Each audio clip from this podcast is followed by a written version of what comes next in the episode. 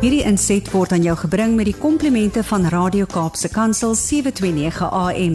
Besoek ons gerus by www.cape pulpit.co.za. Luisteraars, ek is Marita Martins en wat 'n voorreg om met julle te kan gesels.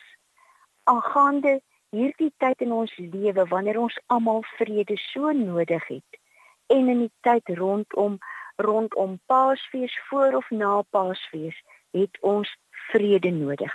Kom ons lees Jesaja 9 van vers 5 af. Want 'n kind is vir ons gebore, 'n seun is aan ons gegee. Die heerskappy is op sy skouer. Hy word genoem wonderbare raadgewer, magtige God, ewige Vader, vredevors. Dan lees ons ook uit Markus 11 en daar so baie in hierdie gedeelte wat 'n mens in die hart gryp. Elkeen van ons kan iets in hierdie gedeelte kry. Markus 11 van vers 12 af. Toe hulle die volgende dag van Betanië af vertrek het, hy, dit is Jesus, honger geword. Hy het van ver af 'n vrye boom met blare gesien en gaan kyk of hy miskien iets daaraan sou vind nie. Toe hy by die boom kom, het hy niks gevind nie, net blare, want dit was nie die tyd vir vrye nie. Hy sê toe vir die vrye boom: "Mag niemand tot in ewigheid ooit weer 'n vrug van jou af eet nie." Sy disippels het dit gehoor. Dan lees ons in Markus 11 hoe Jesus die tempel gereinig het en gesê het: "My huis moet 'n huis van gebed vir al die nasies genoem word, maar julle het daarvan 'n rowerspilonk gemaak."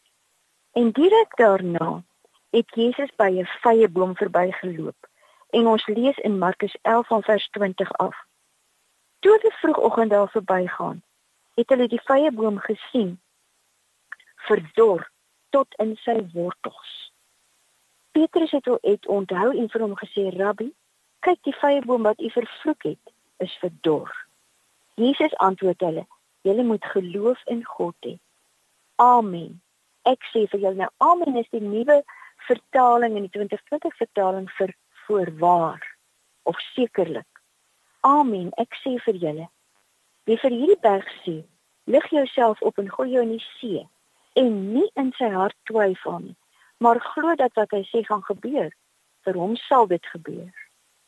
En hier is een van die teksverse in my eie lewe waaraan ek al dekades lank vashou. Markus 11 vers 24 Daarom sê ek vir julle dis Jesus wat dit sê.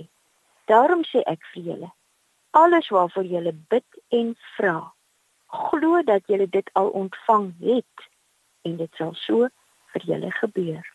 En wanneer julle staan en bid, as julle iets teen iemand het, vergeef hom, sodat julle Vader in die hemele julle ook julle oortredings kan vergewe.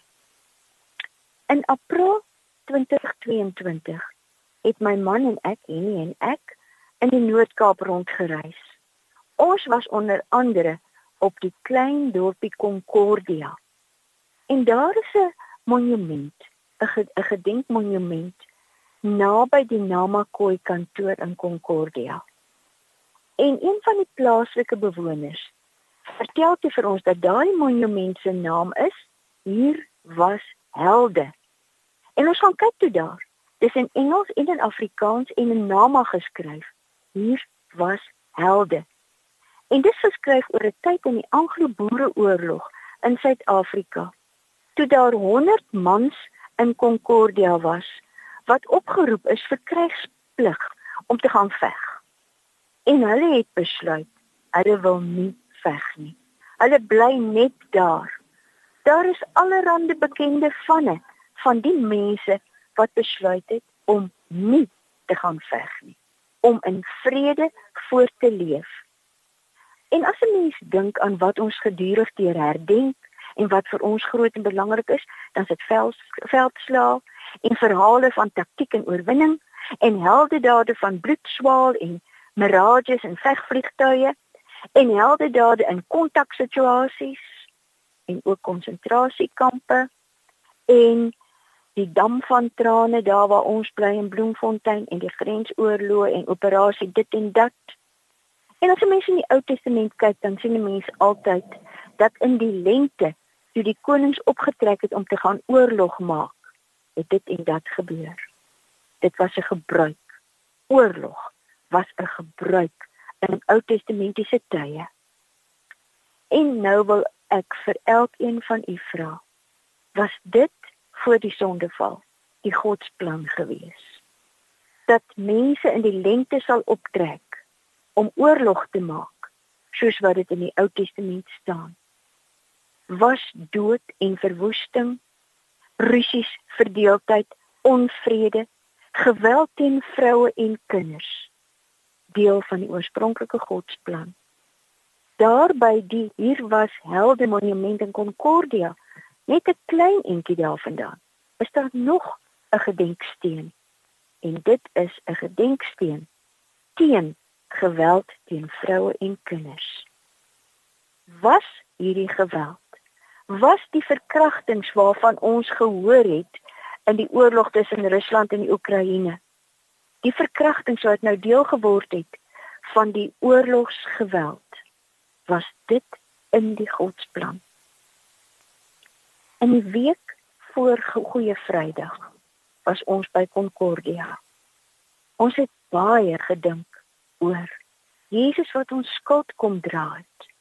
En daar op 'n klein plekkie tussen die berge van die Noord-Kaap, 'n plek wat omring is van oorlogsforte in die berge, is daar 'n monument vir hulle wat heldhaftig genoeg was om Galasiërs 5 vers 22 uit te leef. Die vrug van die Gees is liefde, blydskap, vrede, geduld, vriendelikheid, goedhartigheid, nederigheid en selfbeheersing. En as 'n mens Galasiërs 5:22 neem en jy omkring die woord vrede, dan hang al die ander dinge daarmee saam. Liefde is deel van vrede. Blydskap is deel van vrede.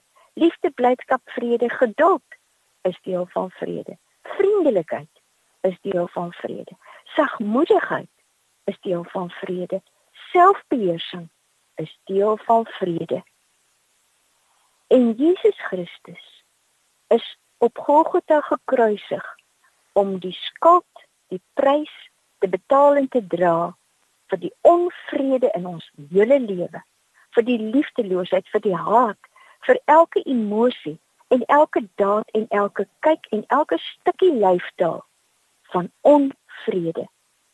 Hy word genoem die vredekoning, die heerser, die nederige mens met 'n hoofletter N omdat hy waarlik God en waarlik mens was. Mens met vel om, mens met vrees vir die dood, mens wat honger gewees het, mens wat arm was sonder 'n eie huis, maar vervul met die boodskap van God.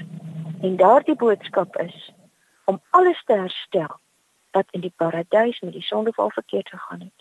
Hy het gesterf nie net om vir ons soos ek eendag iemand hoor sê te pie in the sky one day when you die te gee nie maar om te sterf om vir ons 'n nuwe lewe te gee sodat ons nie meer soos die onvrugbare vyeboom sal wees met blare oor ons leegheid nie maar mense wat die vrugte dra nie vye nie maar die vrugte dra van liefde, blydskap, vrede, geduld, vriendelikheid, goedhartigheid, nederigheid en selfbeheersing. Hoe lyk jou en my lewe? Daar's soveel wat ons nie wil vergewe nie. Soveel mense wat ons nie wil vergewe nie uit hoogmoed. Daar's soveel wat ons voel ons kan nie vergewe nie. Soos die vroue wat wat deur die Russiese soldate in Oekraïne verkrag is. So diep ver, is vernederd is, so vertrap is, so tot in die grond niks geword het voor die geweld van soldate skoene nie het jy 'n stryd om te vergewe want Jesus sê ons moet vergewe na vergifnis kom vrede. Nou sê Jesus vir ons in Markus 11 vers 24. Alles wat julle in die gebed vra, glo dat julle dit al ontvang het en dit sal vir julle so wees. As baie dinge wat ons vra, baie dinge in verband met keuring vir ons kinders en kleinkinders, baie dinge wat ons vra in verband met materiële voorsiening. Maar het jy al ooit vir die Here gevra? Here, maak my 'n 'n mens wat aan die vrede vors behoort. Want die lig in my is uitgeblus, maar u lig is uitgeblus en het weer opgevlam om oor my lewe te skyn. En nou bid ons saam. Here, dankie vir die wonderlike woorde in Matteus, ag in Markus 11 vers 24. Alles wat julle in die gebed vra, glo dat julle dit al ontvang het en dit sal vir julle so wees. Here, ons vra, elkeen van ons afsonderlik vra dat U vir ons vrede in ons harte en in elke verhouding en in hierdie land en tussen die mense van hierdie land sal gee om U naam ontvang. Amen. Hierdie inset was aan jou gebring met die komplimente van Radio Kaapse Kansel 729 AM. Besoek ons gerus by www.cape pulpit.co.za.